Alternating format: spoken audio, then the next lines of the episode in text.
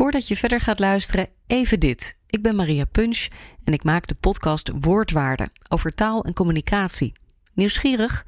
Je vindt Woordwaarde op bnr.nl, in de BNR-app en natuurlijk ook gewoon in je favoriete podcastplayer.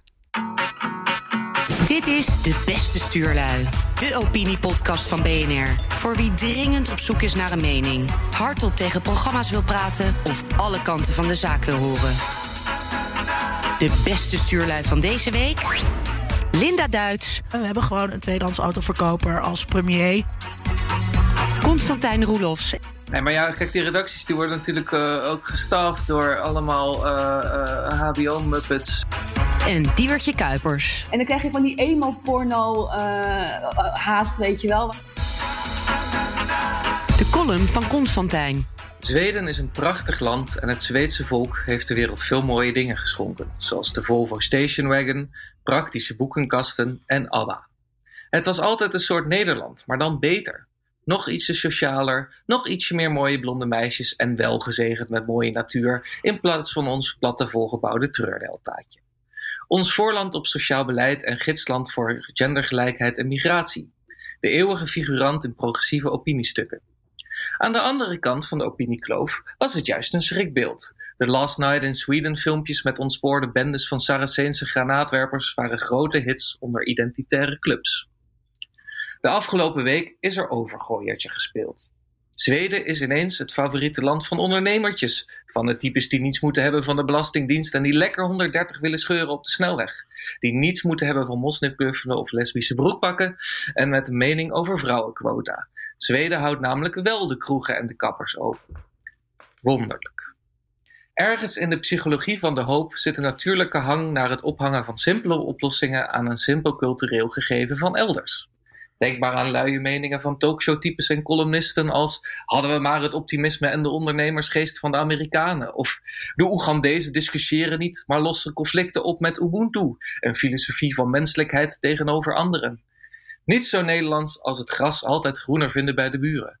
Hoewel een snelle blik op Google Maps leert dat qua groen grasland Nederland maar weinig rivalen kent op onze wereldbol. Hoe gevaarlijk dit denken in nationale stereotypen is, blijkt wel uit het voorbeeld van Zuid-Korea. Dat land doet het relatief aardig in de coronacrisis. In de miljoenenstad Seoul valt het aantal doden en besmettingen erg mee in vergelijking met andere megacities, om maar wat. Al snel doken de verklaringen op Koreanen zouden het zo goed doen omdat daar iedereen altijd heel braaf naar de overheid luistert en men zich dus keurig aan alle voorschriften houdt. Er zit meer dan een ondertoon van racisme in, vooral van het stereotype dat de betere Aziat een werkbijtje is dat zich altijd schikt naar het collectief. Gelukkig hebben we tegenover dit soort luie stereotype borrelpraat ook nog academische talen en landenkenners, zoals Remco Breuker, hoogleraar Koreaanse geschiedenis in Leiden. Van de veronderstelde gehoorzaamheid klopt niets, zegt hij onder meer op Twitter, waar hij onvermoeibaar de strijd met de domheid aangaat. Het land maakt immers al jaren felle protesten tegen de regering door. Volgens de Breuker zijn de Koreaanse successen te danken aan een intensief testbeleid, thuisisolatie en beter gebruik van mondkapjes. Maatregelen die onze regering in al haar wijsheid dan weer niet neemt. Goed overheidsbeleid blijkt bij nader inzien dus de verklarende factor, niet een onderstelde volksaard. Maar goed, het is wel misschien wel weer erg Nederlands om lekker eigenwijs te doen en wijze lessen uit de rest van de wereld te negeren. We weten hier in Nederland toch altijd alles beter. Al dus Constantijn. Maar wat vinden Linda en Diewertje? Ja, leuk einde, Constantijn. En uh, heel, terechte, heel terechte column. Um, ik uh, hoorde Remco Beuker bij uh, de Stuk Rood Vlees podcast. Um, mm. Waar hij ook hier nog dieper op inging en uitlegde dat er altijd gezegd wordt dat Aziatische volken collectivistisch zijn. terwijl Zuid-Korea um, eerder individualistisch te noemen is. En het is eigenlijk een beetje, ja, het is een soort astrologie, weet je wel? Dat duiden van de volksaard of evolutionaire psychologie. Het klopt ja, altijd. Je kan alle, je kan er alle kanten uh, mee op. Ik vond dat ook uh, toen, uh, toen we net zeg maar begonnen met corona in Nederland, kreeg je het ook over Nederland dat we, dat we zo gedwee zijn. en de, de koopmansaard en de dominee werden er weer bijgesleept. Echt klinkklare onzin allemaal. -hmm. Ja, en het is, er, er, er vechten ook wat verschillende stereotypen tegen elkaar. Aan de ene kant hebben Nederlanders natuurlijk het, het, het, het, de eigenschap om nogal vies en onhygiënisch en, en uh, eigenwijs en horkerig te zijn. En daardoor niet geschikt voor beleefdheidsmaatregelen. Ja. En aan de andere kant zijn we natuurlijk ook het volk van uh, lekker het stoepie schoonvegen en uh, alles aanharken. Ja, Waardoor het juist weer. Dus, dus het is erg moeilijk om, om hier zinnige dingen over te zeggen. En dat, ja, dat is een beetje een beetje een luie columnistenmening dan, toch, Constantijn? Ja, maar ik ben ook een hele luie columnist. Ja, heb ik ooit anders beweerd. Nee, precies. wel, kijk, ik snap, ik ben het met jullie helemaal eens hoor. Er is natuurlijk, wat je, wat je zag, hè, allerlei stereotypen die voorbij komen. Alsof dat, uh, alsof dat het ja, bruikbare variabelen zijn hè, in, in, in de verklaring van uh, goed of geen goed beleid. Mm Tegelijkertijd is het natuurlijk wel zo dat, ja, volksaard is dan misschien een beetje het verkeerde woord. Uh, maar of je dat echt zo uh, weg kan slepen tegen beleid, weet ik niet. Want kijk, ik kan me bijvoorbeeld wel voorstellen als hypothese dat in Italië de omgang met de dood, uh, de taboe op vrijwillig levenseinde, dat het wel weer gevolgen kan hebben voor de druk op IC's en in intensive care bedden. dat is natuurlijk een hypothese, maar ja, die is lastig te toetsen. dus ik denk wel dat sommige culturele variabelen een rol kunnen spelen. Met of bepaald beleid uh, succesvol is of niet. Of beter. Nou, daar ben ik ook wel een beetje eens hoor. Want kijk, nou, ja, in Finland, daar, daar begroet je elkaar door elkaar niet te begroeten en op twee meter afstand te blijven en elkaar lekker te negeren. En in Italië moet natuurlijk omstandig geknuffeld worden. En dat vinden de virusjes een stuk prettiger.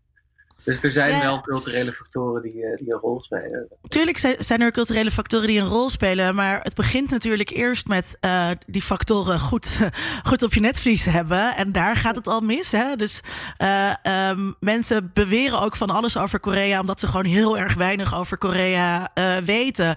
En wat er daarbij aan de hand is, dat het nog over meer dan Korea gaat. Maar het gaat meteen over heel Azië. Weet je wel, alsof er daar geen verschillen zijn.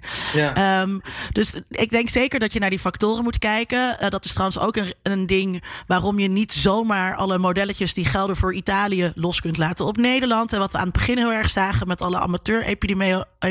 Ik kan het woord niet uitspreken. Uh, epidemiologen. Um, uh, waarbij je wel ook met dit soort dingen rekening moet houden. En um, kijk, je ziet op Twitter zitten heel erg veel mensen die overal verstand van menen te hebben. Mm en, Apenstaartje Constantijn 1. Dat is een hele maar en dat, dat uh, dat zich uh, op dit soort momenten als uh, zeker, ik neem aan dat die wat je altijd ook heeft. ik, ik, ik vaar gewoon liever op wetenschappers altijd al, maar zeker in een pandemie. Ja, nee, nee, zeker, zeker. Dat, dat is waar ik me op een gegeven moment ook heel erg aan ergerde. Maar dat zag je soms zelf ook bij, uh, opeens zag je dat goed gebeuren, ook bij viroloog Ab Osterhaus.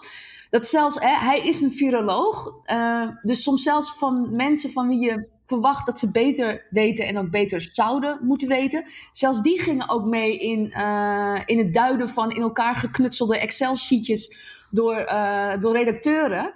Uh, waarbij gewoon werd beweerd op basis van vier datapunten dat er een trend was in Nederland. En dan afgezet tegen de trend in Italië. Ja, ik heb, um, ik heb daar nog wel een theorie over. over nou, nou, over, um, nou, meer over um, die wetenschappers die nu vaak aan de talkshowtafels uh, mogen komen zitten. En het is natuurlijk een verademing dat we even verlost zijn van de BN'ers die overal wat van vinden. Um, maar medialogica dwingt ook die wetenschappers uh, eigenlijk in de rol waar BN'ers ingedwongen zijn. Namelijk, je zit daar aan tafel en je wordt gevraagd over iets waarvoor je eigenlijk misschien geen verstand hebt. Of waar je, wat je zegt, hè, van, dat je eigenlijk iets voorgelegd krijgt met te weinig data. En dan is de verleiding gewoon heel erg groot om dan toch uh, ook van je te laten horen. Zeker ook omdat uh, er zit iets verslavends aan, uh, aan optreden in die talkshowtafels. Um, dus ik vind het interessant om te zien hoe zij dus meegaan in, in die machinerie van de media. Die ja. van hen vraagt: wees deskundig ook als je het eigenlijk niet bent. Ja, ja, ja. ja, daar heb ik me ook over verbaasd. Dat sommigen dan toch wel ook die, die, die wetenschappelijke voorzichtigheid, hè, die honderd slagen om de arm, die ja. wetenschap die altijd graag nemen. Um, en het, kijk, aan talkshowtafels willen ze graag ook uh, duidelijkheid. Hè? Dus ja of nee. Want we hebben jou tenslotte uitgenodigd als expert. Dus nu moet je ja. het ook uh, hè, simpel kunnen duiden. Terwijl juist het, omdat je expert bent, zet je het niet zo zwart-wit neer. Ja, misschien uh, is het ook... een natuurlijke tegenstelling, wat wel heel erg lastig is. En dan zie je inderdaad vind wel interessant ook de, die hypothese van Linda. Van je ziet ze toch bewegen, meebewegen in die machinerie. En doen wat van ze wordt verwacht. Ja, en misschien is het ook, eh, ik ben geen mediawetenschapper, gelukkig hebben we die wel aan tafel hier vandaag. Um, maar dat, dat mensen ook een beetje gewoon het toontje en het format na gaan doen, omdat ze dus zelf ook naar die stomme talkshows kijken. Dus dat ze zelf ook dat gejaagde Matthijs van Nieuwkerk populaire gedrag gaan naapen, zeg maar. Omdat, uh, dus, dus dat, ja, zelfs mensen die wetenschap, die eh, als ze dan na een lange dag in het lab uh, de treurbuis aanzetten, dat ze dan ook ineens de neiging krijgen om ook zo te gaan praten. En zo, ja. zo te gaan Peter R. de Vries in zeg maar. Ja, leuk, leuk onderzoek voor een masterscriptie, denk ik. De socialisering van wetenschappers aan talkshowtafels. Ja, zeker, ja. zeker. De ergernis van Linda. Um, ja, Constantijn, aansluitend ook misschien een beetje bij jouw column. Wat mij dus heel erg stoort uh, de afgelopen week, begint dat een beetje te knagen, is het gebrek aan buitenlands nieuws. Dus je hoort eigenlijk alleen maar dingen over Italië, Spanje, Zuid-Korea uh, en Amerika natuurlijk, want dat is altijd lachen. Um, en dat is het wel een beetje. Terwijl ik ben echt heel erg benieuwd naar wat gebeurt er in Oost-Europa bijvoorbeeld. Is er in Tsjechië eigenlijk een lockdown? Um, hoe komt deze crisis in Afrika aan? Wat voor verschillen zijn er ook tussen de Afrikaanse landen in omgang daarmee? En het valt me op dat er ontzettend weinig buitenlands nieuws is. Dus we zijn helemaal uh, uh, in onszelf gekeerd. De landen, de, de grenzen zijn uh, dicht. Um, lokaal nieuws is ook weer heel erg populair. Dus mensen luisteren allemaal massaal naar RTV Oost in Zwolle. heel erg die nabijheid hebben. Dus we komen ook bijna de deur natuurlijk niet uit. Dus dat begrijp ik allemaal goed. Maar ik mis dus heel erg um, nieuws uit het buitenland. En ik ben eigenlijk vergelijkend politicoloog. Dus ik wil graag horen ook hoe die andere landen dat doen. En Nederlandse media zijn er best wel stil over. Zien jullie dat ook? Nou ja, ik, ik denk dat sowieso gewoon qua, qua journalistieke infrastructuur er gewoon hele grote verschillen zijn tussen landen. Uh, als het gaat om persvrijheid, als het gaat om de fijnmazigheid van persbureaus, als het gaat om de, de, de, de diversiteit. Um, kijk, bijvoorbeeld heel veel landen in de wereld mag je natuurlijk helemaal niet schrijven wat je wil over zo'n crisis. Want dan denkt het regime dat komt ons slecht uit. Denk dat dat bij veel Afrikaanse landen het geval is. Maar bijvoorbeeld ook in, in, in zoiets als Australië dat, dat heeft geen onafhankelijk persbureau meer. Daar heb je eigenlijk feitelijk alleen lokale zenders uh, en uh, Rupert Murdoch kranten. En dat, dat stuurt natuurlijk enorm de berichtgeving. En, en ik ben het inderdaad met je eens dat van sommige gebieden in de wereld dat, het, uh, dat, dat er gewoon echt donkere plekken op de, op de kaart zijn. En dat is natuurlijk bij zo'n globale pandemie niet helemaal handig. Want, is natuurlijk ja, misschien.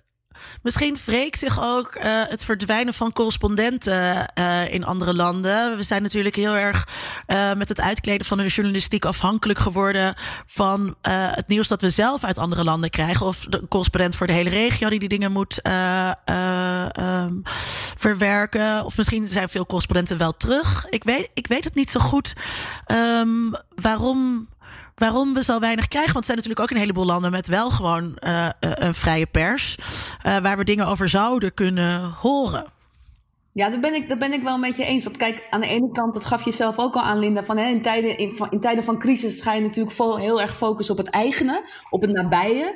Die lockdown zal het misschien ook wel enigszins versterken, want ja, veel mensen kunnen de deur niet uit. Ik bedoel, ik merk zelf nu al gewoon als schrijvend journalist dat het heel erg lastig is uh, om je verhalen te maken. Omdat normaal gesproken ga je de deur uit en verwerk je repo-elementen in je verhaal. Uh, om, om ook de, lezers een beeld mee te krijgen. Dat is al heel moeilijk.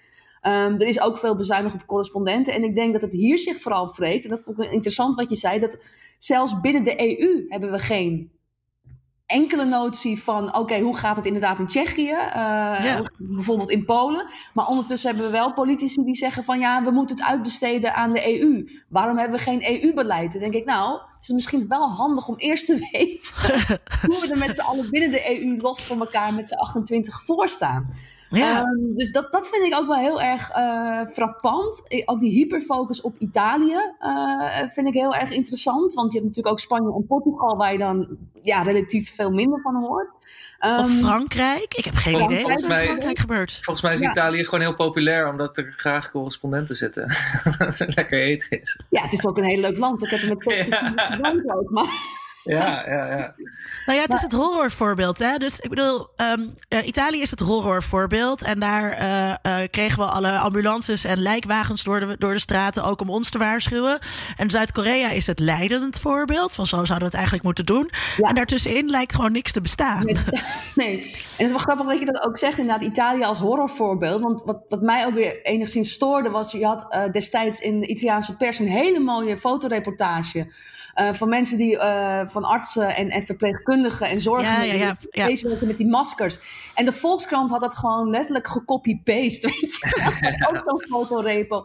En dan krijg je van die emo-porno uh, haast, weet je wel, waar, waarbij je ook mensen... van die verbinders. Ja, ja mensen zeggen van, ja, en dan kom ik binnen en dan is er in één keer een bed leeg. Dan denk ik, ja, als je in een ziekenhuis werkt, dan gebeurt dat wel vaker. It's kind of what you do. Ja, dus het is ook voor, het, het, lijkt wel alsof heel, of heel Nederland nu voor het eerst erachter komt wat er in godsnaam allemaal in een ziekenhuis gebeurt. ja. Uh, ik denk dat het ook heel belangrijk is om, om onderscheid te maken tussen, oké, wat is nu echt nieuw door deze crisis? Wat zijn dingen die we hiervoor nooit hebben meegemaakt? Uh, en in, hoe, in hoeverre gaat het echt om dat de intensiteit van wat we al kennen is toegenomen? Dat is iets anders dan echt hele nieuwe dingen zien. Uh, maar dat onderscheid wordt volledig niet gemaakt. Uh, de ziekenhuizen worden bekeken door de bril van een kind die daar voor het eerst verwonderend over die gangen heen loopt. Uh, dat vind ik ook wel een fascinerend iets om te zien. Ja, dus ook um, um, die hele discussie die er was over um, word ik als oudere of obese iemand nog wel geholpen op de, op de IC. Dat zijn dus dingen die over triage uh, ook gaan. Er, er ja. zijn altijd beperkte middelen op een uh, spoedeisende hulp en op een IC. Daar worden altijd keuzes gemaakt. En het is altijd ja. al zo dat ze echt langer aan het beademen zijn uh, als een van ons daar komt te liggen. Dan wanneer onze opa's en oma's binnenkomen. Dat is altijd al zo. Die keuzes worden al gemaakt. En dat lijkt inderdaad alsof niemand daar een soort van ooit bij na heeft gedacht. Of dat we helemaal vergeten is. Nee, nee, precies. Maar, wat vinden jullie van de stelling dat we door uh, het afgelasten van de sportjournalistiek nu uh, een beetje die, die sportjournalistiek toe gaan passen op, uh, op de coronavirus? Door de dagelijkse wedstrijd samenvattingen te geven en de helden in het ziekenhuis voor de camera te trekken. En, dan, en wat ging er door je heen? Vragen. ja. ja, het doet me ook een beetje denken aan die peilinggekte die je voor verkiezingen hebt. Maar dan oh, ja, ja, ja. Weet je wel? Dat echt dagkoers en zo. Terwijl je denkt van ja, Ik vind het ook, ik heb het nooit een goed idee gevonden om ook echt uh, met, met dagkoersen op de proppen te komen. Want A, er zit een vertraging in die cijfers. Uh, maar mm. mensen gaan wel conclusies voor zichzelf trekken op basis ja. van die cijfers. Dat zien we ook op Twitter gebeuren, hè, met mensen die zelf gaan knutselen in Excel. Uh, en als je dan ook vervolgens weet dat het kabinet zich ook ja, ze, ze, zeggen dat ze luisteren naar geluiden in de samenleving. En soms denk ik van ja, dat, daar bedoel je dus je Twitter-timeline mee. Ja. Um, dat heeft wel degelijk effect ook, hè? terwijl het niet ja. representatief is en uh, onvoldoende afgewogen. Maar wat politici wel het idee geeft, oh mensen reageren hier zo op. Nou, dan moeten we er iets mee. Nou, dat hoeft ja. niet altijd. Ik heb altijd met die met die dagkoers uh, dat ik, uh, uh, ik, ik lees NRC, dus ik las net ook wat er dan, er liggen zoveel mensen op de IC en er zijn zoveel doden. En ik ben redelijk aardig met data, um, maar ik weet niet wat ik daarmee moet. Weet je, ik weet niet hoe ik die data in een kader moet plaatsen. En um, we hadden um, hoogleraar statistiek Casper Albers de gast in, onze, in mijn eigen podcast onder Mediadoktoren, waar we een speciale coronareeks maken. en Casper doet onderzoek naar hoe mensen cijfers interpreteren. En hoe mensen grafieken lezen. En dit is voor hem gewoon een onwijs heerlijke tijd wat dat betreft. Ja. Omdat, omdat precies wat Diewertje zegt, en mensen gaan zelf knutselen in uh, Excel.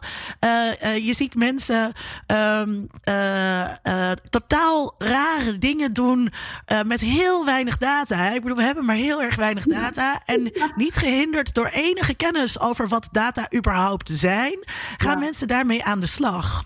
Nou, ja. ik vind het mooiste voorbeeld ervan nog wel dat, uh, dat Maurice de Hond ineens uh, ook weer zo enorm uh, naar voren wordt getrokken. En dat hij dus al een hele maffe verklaringen komt als katholieken die knuffelen te veel en daardoor gaan ze eerder dood. Zo, en dan wat cijfers uit een hoge hoed trekt. Het is heel maf allemaal.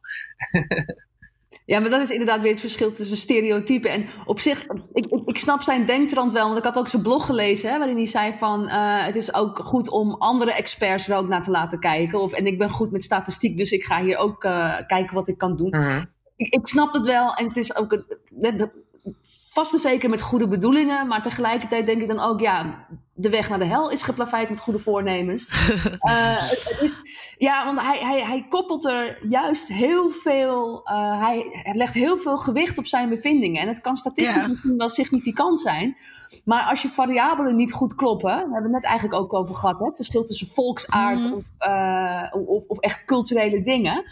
Uh, zolang je dat niet goed scherp hebt en niet weet wat je meet, ja, dan zegt het gewoon niet zoveel. Maar ik vind dus Maries de Hond ook geen uh, statisticus of, of, wetenschapper in, in die hoek, zeg maar. Hij is nee. gewoon een contentleverancier. Weet je, hij Mhm. maakt content voor media die dat heel gretig afnemen. Want die houden van dit soort speculaties en onzincijfers.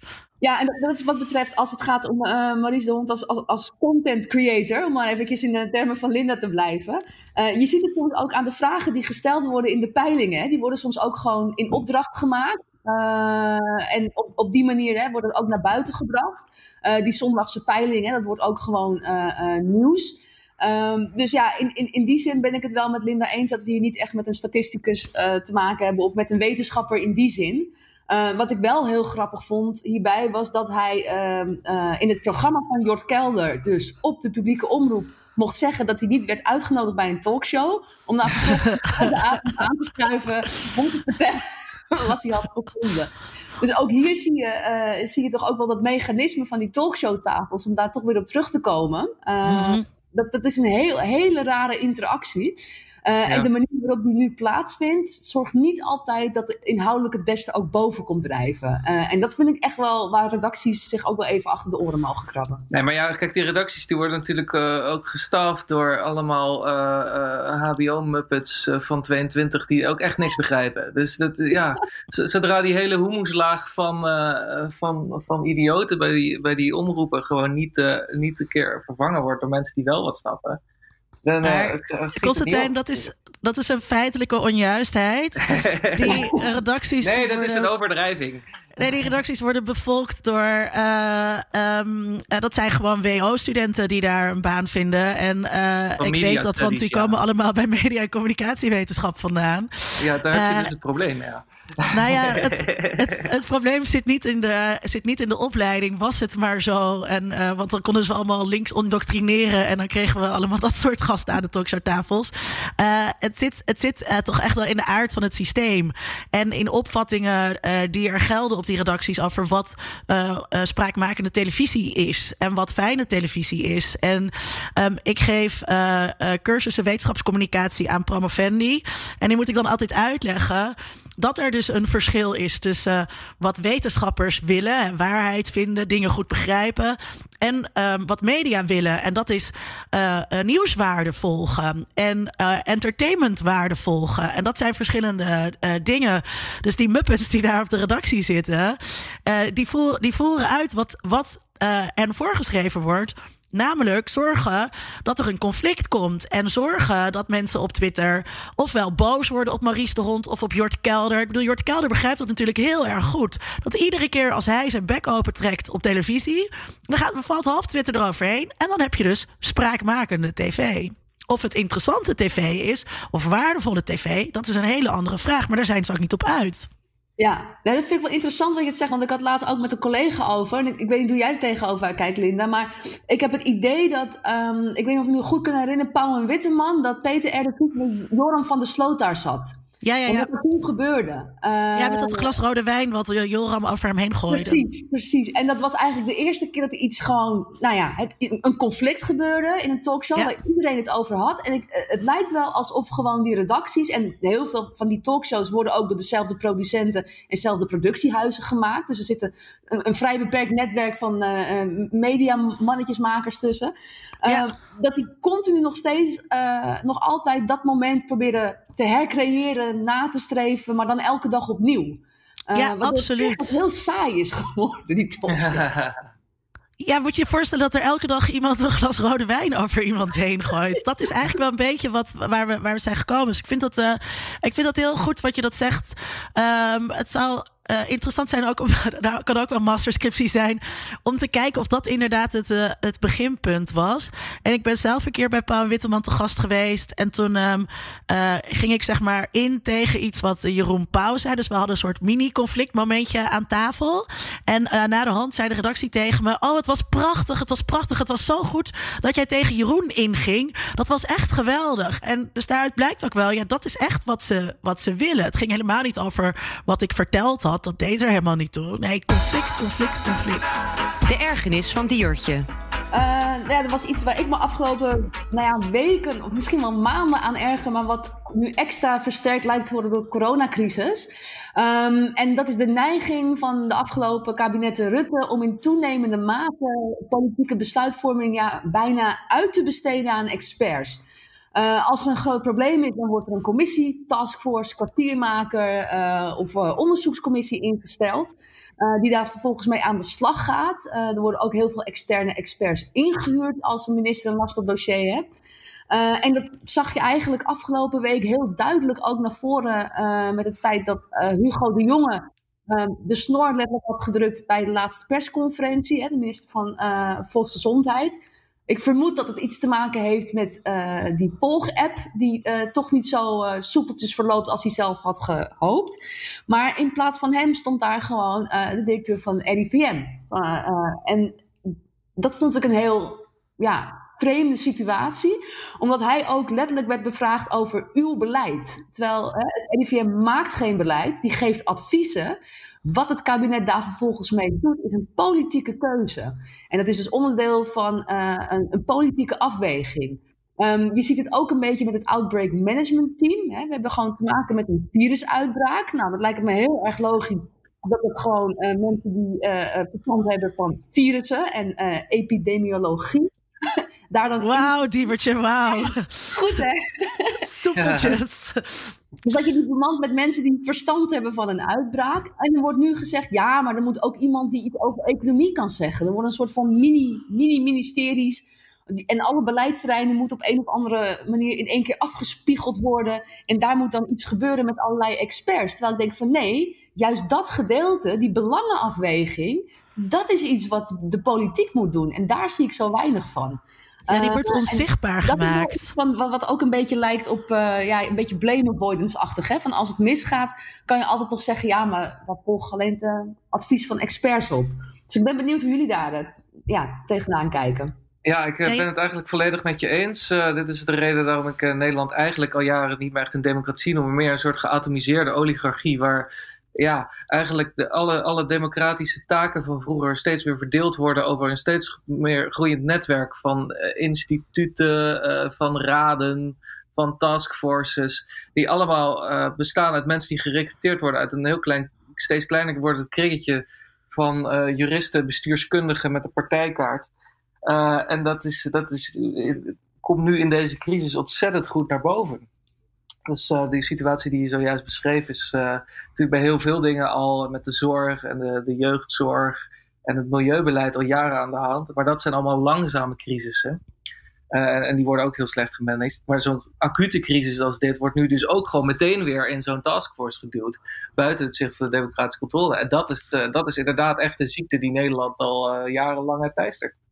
Ja, ik ben het ook met je eens, Nieuwtje. En um, ik, het, het wordt heel erg onzichtbaar gemaakt. Hè? Dus die stap die gemaakt wordt van advies naar uh, besluit, uh, dat, dat, is, dat is een stap die gedaan wordt. Daar worden keuzes in gemaakt. Um, en die zien we niet. En die wordt ook um, door Rutte volgens mij expres onzichtbaar gemaakt. Exp ook vanwege, vanwege wat je zegt, om, uh, om vervolgens mogelijk achteraf verantwoordelijkheid te ontlopen. ik. Um, uh, en wat Constantijn zegt over uh, dat het de laatste jaren is. Ik denk dat we in Nederland altijd heel sterk zijn geweest. Hè? Dus we hebben altijd een, een democratie gehad die gericht is op um, weinig oppositie voeren, op spanningen wegnemen, op pacificeren, met een groot maatschappelijk middenveld.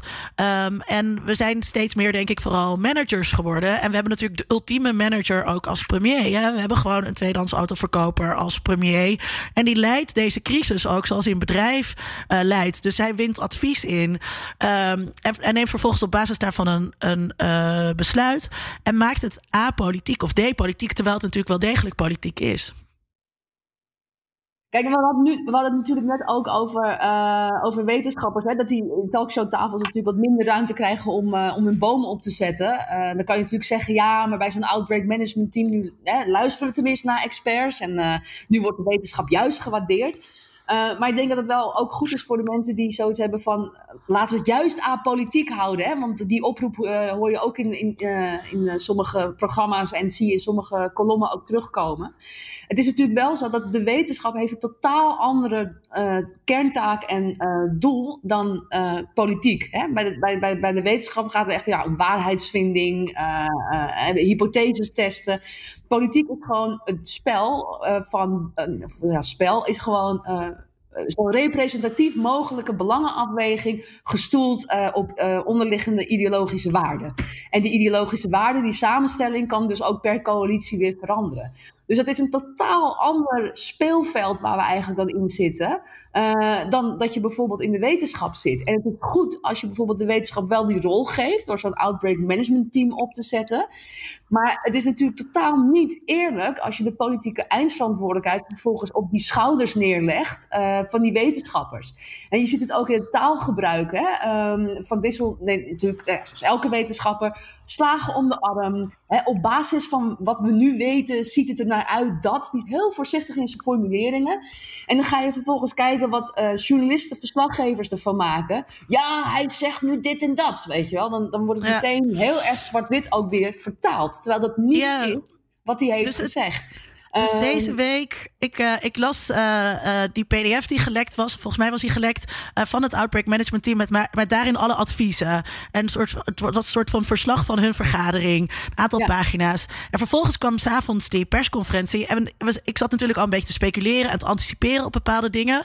En wat er heel erg uitkwam, was: oké, okay, de scholen gaan open. Um, um, want, want dat wordt geadviseerd. Uh, maar andere dingen, uh, die bijvoorbeeld ook hadden gekund. Uh, bijvoorbeeld de fysiotherapeuten hadden ook weer open gekund. Daar was nog wat onzekerheid over. Maar er is ook onzekerheid over wat die basisscholen voor. de opening van de basisscholen voor effect gaat hebben op de RO. Dus um, die keuze die er vervolgens is gemaakt. welke adviezen volgen we op?